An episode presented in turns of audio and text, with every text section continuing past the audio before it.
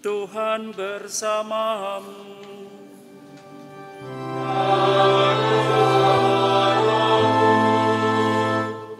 Inilah Injil Yesus Kristus menurut Santo Lukas.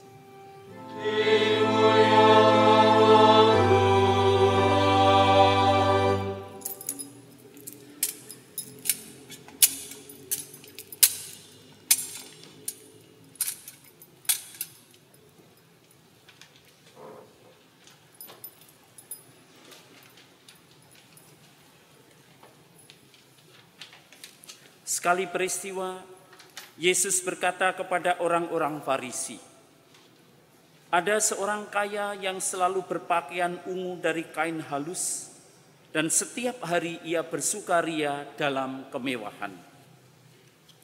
Ada pula seorang pengemis bernama Lazarus, badannya penuh dengan borok. Ia berbaring dekat pintu rumah orang kaya itu." Dan ingin menghilangkan laparnya dengan apa yang jatuh dari meja orang kaya itu. Malahan anjing-anjing datang dan menjilati boroknya.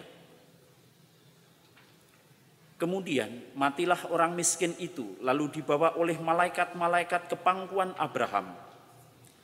Orang kaya itu juga mati, lalu dikubur. Sementara menderita sengsara di alam maut, ia memandang ke atas dan dari jauh dilihatnya Abraham dan Lazarus duduk di pangkuannya. Lalu ia berseru, Bapa Abraham, kasihanilah aku. Suruhlah Lazarus supaya ia mencelupkan ujung jarinya ke dalam air dan menyujudkan lidahku. Sebab aku sangat kesakitan dalam nyala api ini. Tetapi Abraham berkata, "Anak, ingatlah, engkau telah menerima segala yang baik semasa hidupmu, sedangkan Lazarus segala hal yang buruk. Sekarang di sini dia mendapat penghiburan dan engkau sangat menderita. Selain itu, di antara kami dan engkau terbentang jurang yang tak terseberangi." supaya mereka yang mau pergi dari sini kepadamu ataupun mereka yang mau datang dari situ kepada kami tidak dapat menyeberang. Kata orang itu, kalau demikian aku minta kepadamu Bapa, supaya engkau menyuruh dia ke rumah ayahku, sebab masih ada lima orang saudaraku, supaya ia memperingatkan mereka dengan sungguh-sungguh agar mereka kelak jangan masuk ke dalam tempat penderitaan ini. Tetapi kata Abraham, mereka memiliki kesaksian Musa dan para nabi. Baiklah mereka mendengarkannya.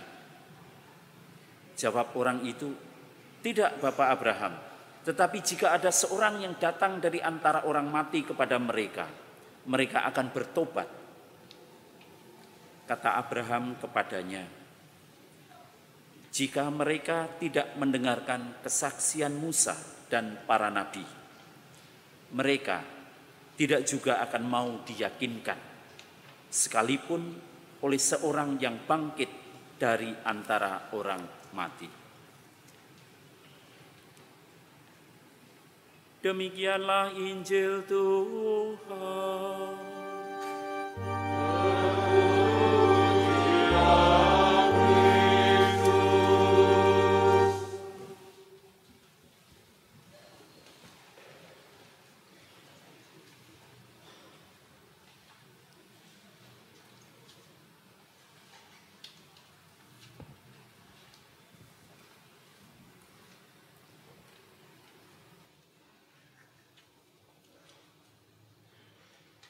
Bapak Ibu, saudara-saudariku yang terkasih, para suster, para buder, para romo, frater, selamat sore berkat dalem. Bagaimana kabarnya? Baik, semua sudah mandi? Sudah ya? Syukur pada Tuhan. Yang di sebelah sana juga sudah, nggih? Ya. Ini Bapak Ibunya atau walinya ini? Wali. Wali semua. Luar biasa banyak sekali. Nah, saya mau bertanya, apakah ada di antara Anda yang pernah dibaptis? Lu malah ketawa. Ada yang pernah dibaptis? Pernah. Pernah. Ada yang belum dibaptis? Oh, berarti kita semua diandekan sudah pernah dibaptis ya? Ya, siapa di antara kita yang dibaptis ketika masih bayi? Mana? Oh, banyak sekali. Bayi semua. Ya. Yang dibaptis setelah dewasa mana? Banyak juga. Yang sini juga lumayan di belakang. Nah, apakah Anda masih ingat ketika, ah, ini saya mau tanya pada yang bayi ini, baptis bayi. Nah, siapa mas? Yang baptis bayi mana tadi itu?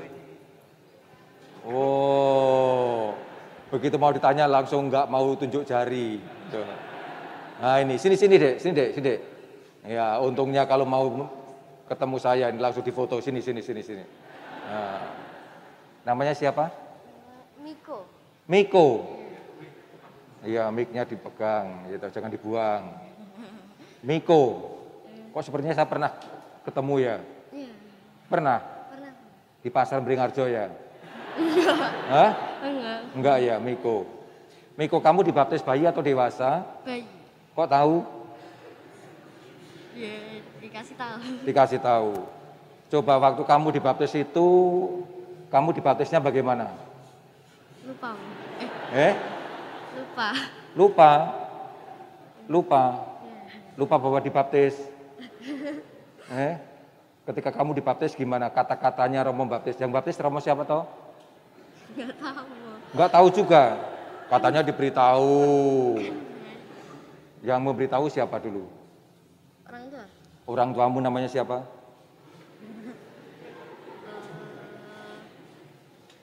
Oh, karo wong tuane dhewe ra ngerti jenenge piye. Kamu serius sayang sama orang tuamu enggak? Serius. Kok enggak tahu namanya? Tahu. Siapa namanya? Ibu namanya. Namanya ibu? Burita.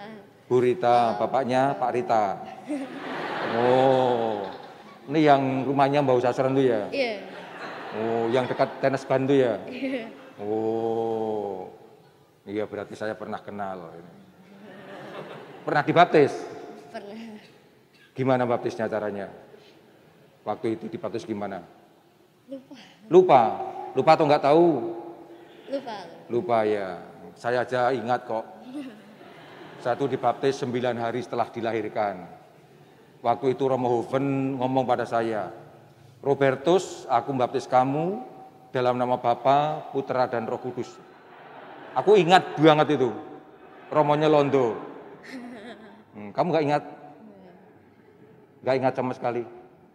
Jangan-jangan belum pernah dibaptis ya? Nah, Oke Miko, terima kasih. Tepuk tangan untuk Miko. Iya. Nah, ini yang duduk ya. Ini anaknya Bu Rita dan Pak Sigit, gitu. Dari Mbak Sasran, saya kenal ini. Iya. Nah, saya mau tanya yang baptis dewasa, mana yang baptis dewasa?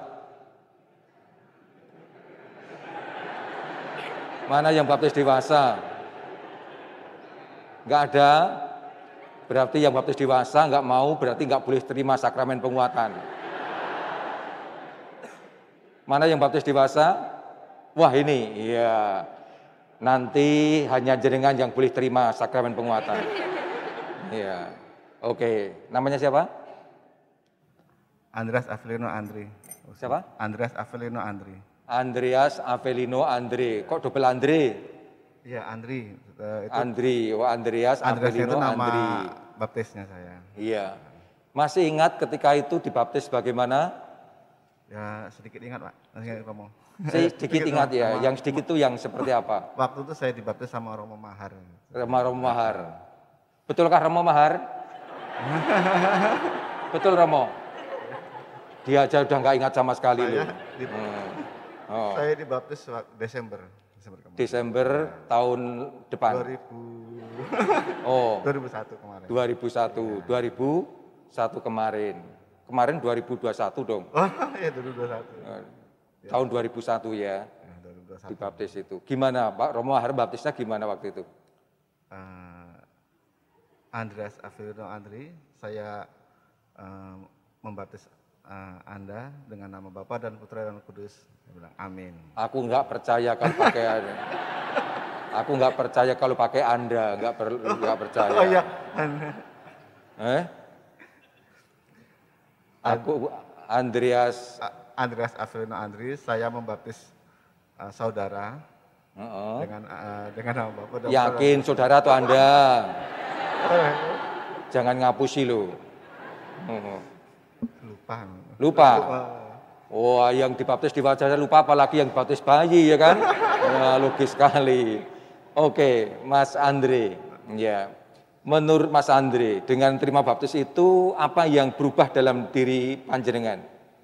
Saya semakin yakin eh, dan semakin eh, senang bahagia gitu setelah udah udah udah menerima baptisan itu. Jadi saya semakin percaya bahwa Tuhan eh, Tuhan Yesus Kristus itu hidup di dalam saya seperti itu. Hidup di dalammu, krogel-krogel di dalam. itu ya. Wah geli dong. Gimana Mas Andre bisa merasa Yesus hidup di dalam dirimu? Gimana merasanya?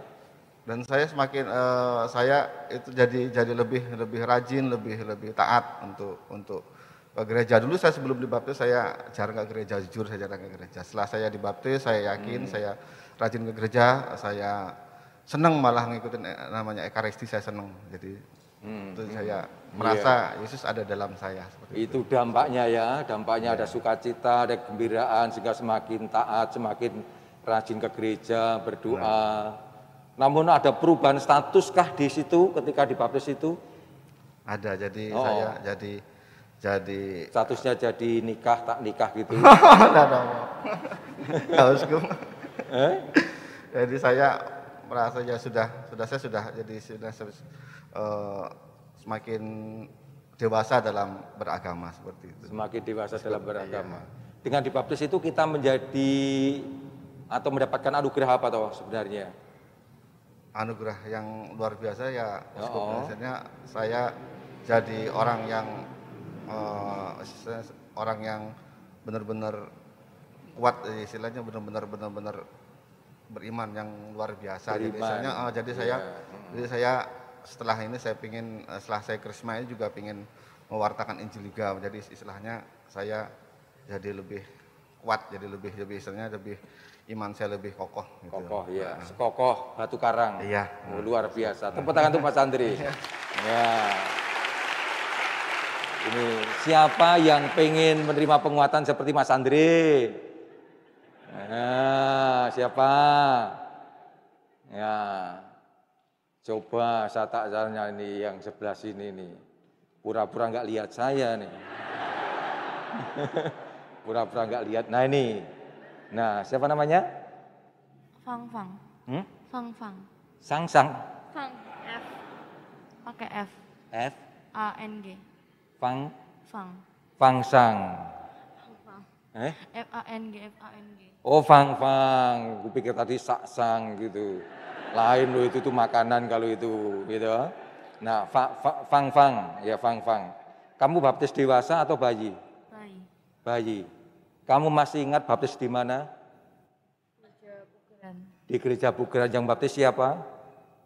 Nggak, nggak ingat. Enggak ingat ya. Namun kamu yakin dibaptis? Yakin. Yakin. Yakin. Apa yang membuat kamu yakin? Buktinya apa? Dikasih tahu orang tua. Eh? Dikasih tahu orang. Dikasih orang tua. Kalau orang tuamu bohong gimana? Ada suratnya juga. Eh? Ada apa? Dengan Ada suratnya. sertifikat atau apa gitu. Itu sertifikat tanah itu. Iya, ada sertifikat baptis ya. Ada surat sertifikat baptis. Nah, eh, Fa- Fang Fang, menurut kamu dengan dibaptis itu kita jadi apa tuh sebenarnya? Atau anugerah apa yang membuat yang kita terima dengan baptis itu? Kurang tahu. Kurang tahu. kamu tidak layak sambut terima komuni eh, apa penguatan. Yakin nih, yakin kamu nggak tahu atau nggak mau ngomong? Hmm? Kita menjadi anak Tuhan. anak Tuhan, anak Allah ya. Tepuk tangan untuk Fafang, luar biasa.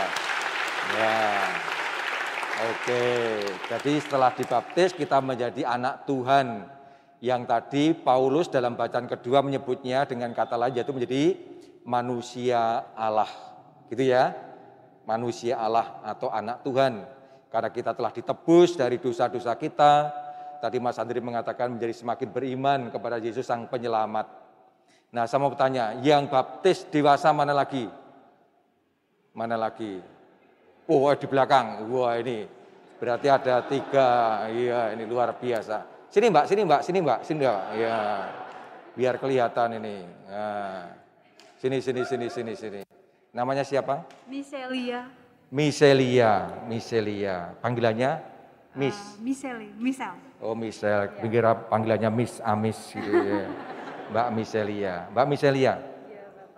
Kamu dibaptis dewasa ya? Iya betul. Ya, ini pegangi ya.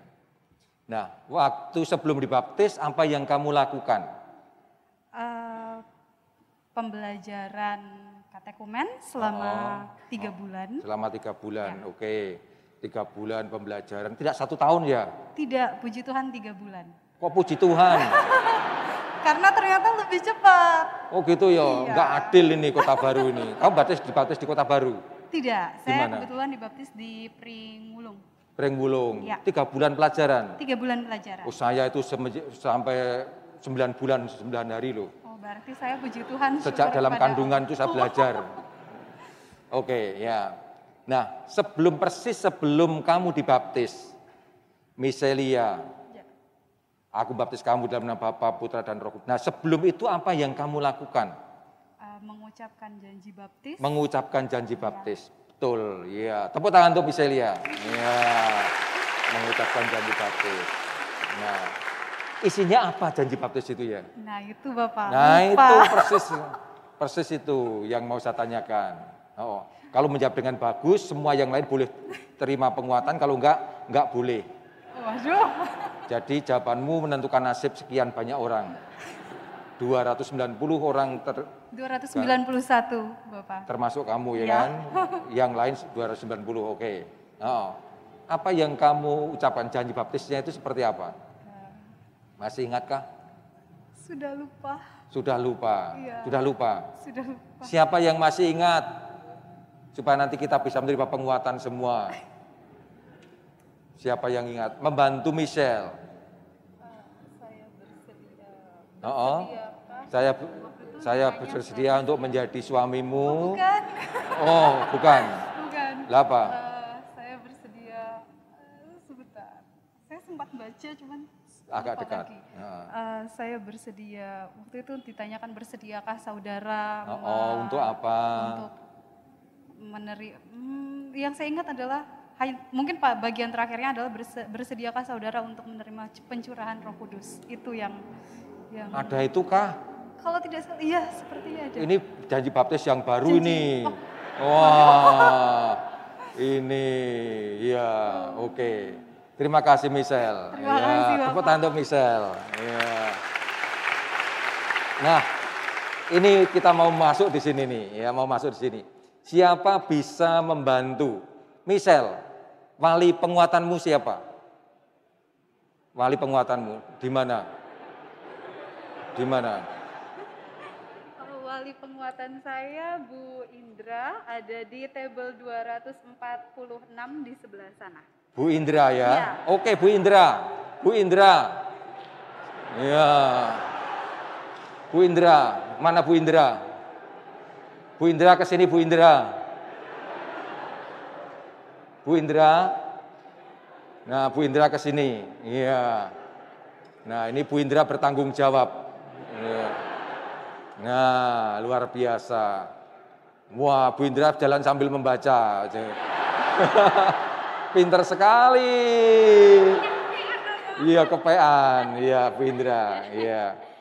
Bu Indra, tadi saya tanya pada Michelle yang akan menerima penguatan. Itu dia sebelum dibaptis dulu mengucapkan janji baptis. Tak tanya isinya apa, dia lupa. Satu-satu yang diingat adalah akan apa tadi menerima Roh Kudus padahal itu nggak ada dalam janji. Oh, bisa membantu putrinya yang akan menerima penguatan. Ini, ya. Untuk janji baptis isinya adalah untuk bersediakah saudara untuk berbuat baik intinya begitu. Artinya men, uh, meninggalkan kejahatan, Oh. kemudian uh, berpegang pada 10 perintah Allah itu. Intinya itu, Rom. Ada ya 10 perintah Allah ya.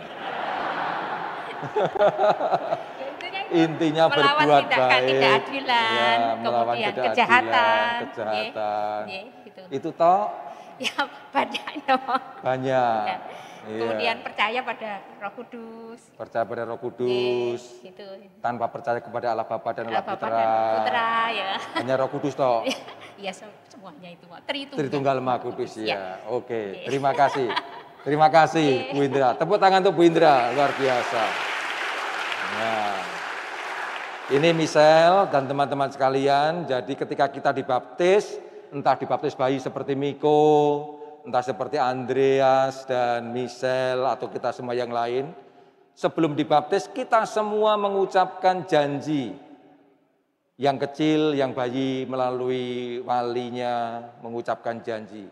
Satu, untuk menolak semua yang berasal dari kejahatan. Betul? Iya, bentuknya macam-macam. Entah perjudian, percabulan, takhayul, ketidakadilan, macam-macam semuanya. Yang kedua adalah percaya kepada Allah Tritunggal yang Maha Kudus, Allah Bapa yang menciptakan, Allah Putra yang menebus, Allah Roh Kudus yang menguduskan, dan nanti sampai kepada persekutuan para kudus, sampai kehidupan kekal. Ingat ya ini ya, ingat ya, persis ya.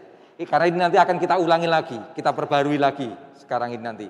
Nah, pertanyaannya, setelah sekian lama Miko dari tahun berapa Miko dibaptis? Hah?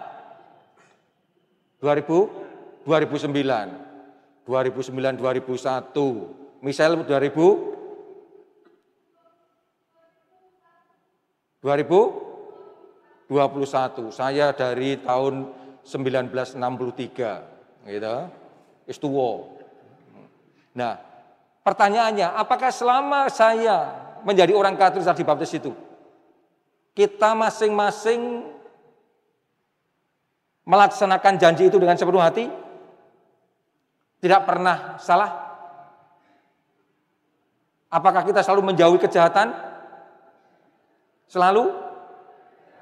Tidak, bahkan sebaliknya membuat kejahatan. Ngapusi saya.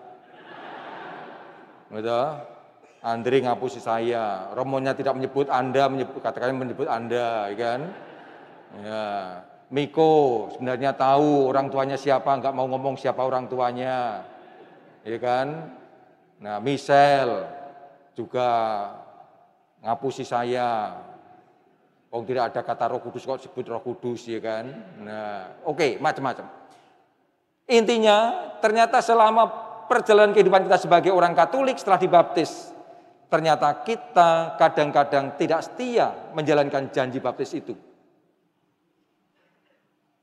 Apalagi kita-kita yang sudah sepuh-sepuh, betul nggak? Iya, berulang kali kita jatuh dalam dosa. Mungkin percaya kepada Allah Tritunggal, iya.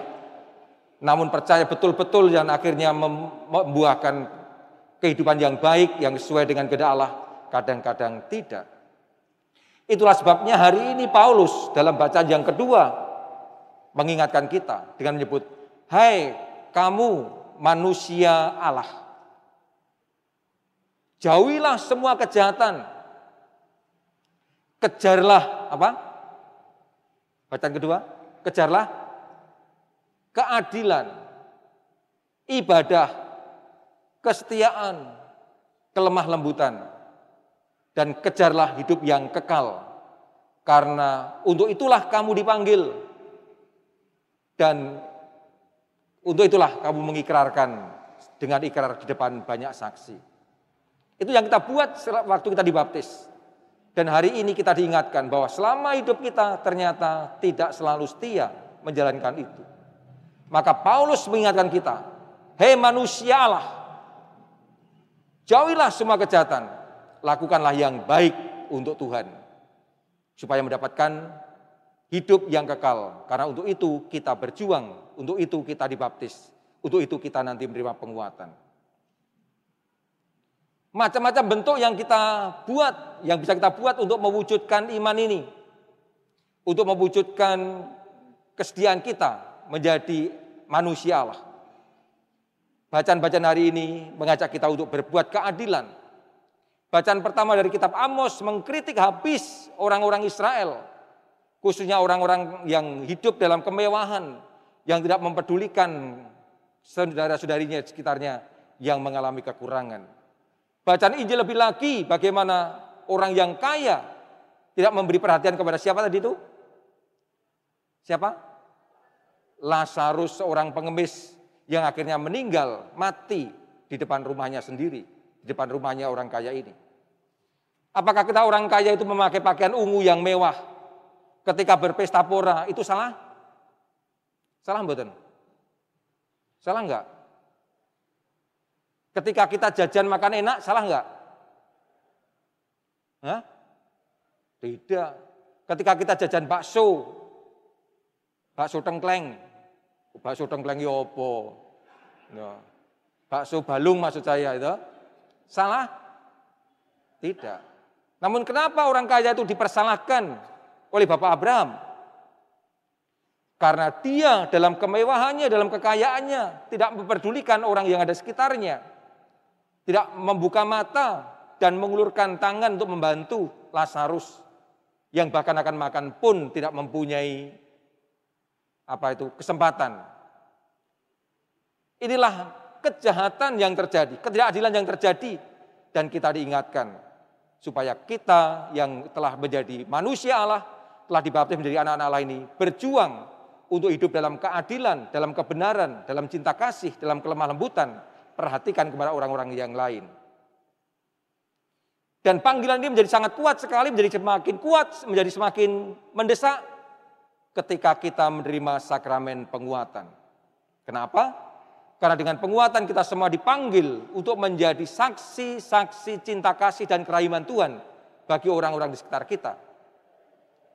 Tidak ada gunanya kita menerima penguatan kalau kehidupan kita tidak berubah. Saya tadi senang sekali mendengarkan sharing dari Mas Andri. Begitu dibaptis semakin menjadi semangat, menjadi semakin setia, cinta pada Tuhan, imannya menjadi semakin kuat. Inilah perubahan yang diharapkan terjadi dalam diri kita ketika kita menerima penguatan hari ini. Berubah, semakin menjauhi kejahatan, merangkul keadilan, kesetiaan, ibadah kepada Tuhan, dan sekaligus kelemah lembutan, supaya kita akhirnya mendapatkan atau boleh kehidupan yang kekal. Inilah panggilan kita sebagai orang-orang yang menerima penguatan.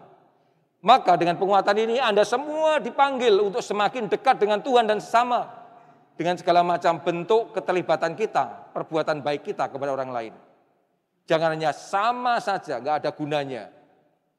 Termasuk semakin melibatkan diri dalam kehidupan bersama, di lingkungan, di wilayah, di paroki, di keuskupan dengan segala macam bentuk keterlibatan kita. Maka pertanyaannya adalah, apakah Anda semua yang akan berikan penguatan siap untuk semakin mendekatkan diri pada Yesus? Siap ya? Semakin tekun dalam doa? Semakin tekun ke gereja? Ngopo yang gereja? Yo sembahyang. Berkegiatan bersama. Semakin siap untuk terlibat dalam kehidupan gereja di lingkungan? Tenan ya. Tenan. Semakin rajin belajar. Tekun nyontek. Wah langsung ya katanya itu. Wah. Belajar yang serius, yang tekun, yang sungguh-sungguh. Nah, inilah bentuk janji kita yang akan kita perbarui hari ini. Sebagai tanda saya mau menghayati panggilan saya sebagai manusia Allah, sebagai anak Allah, yang telah dibaptis dan kini dikuatkan dengan sakramen penguatan di mana Roh Kudus membantu kita untuk menjadi anak-anak Allah yang sejati agar mendapatkan hidup yang kekal. Para wali penguatan yang ada di sana adalah wakil atau wakil kita, wakil orang tua yang akan membantu Anda semua. Maka tadi saya sengaja mengundang Bu Indra ke sini untuk menunjukkan perannya seperti apa maka tolong nanti ada komunikasi terus-menerus antara Krismawan Krismawati dengan wali penguatan supaya ada komunikasi iman, saling meneguhkan, saling menguatkan. Mari kita persiapkan hati dan beri kita untuk penerimaan penguatan ini dengan membaharui janji baptis kita. Sekali lagi dengan tekad yang bulat untuk menjauhi semua kejahatan, semua yang berasal dari setan.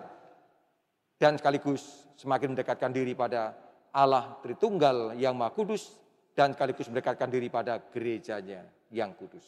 Kita berdiam diri senak, mohon anugerah Roh Kudus.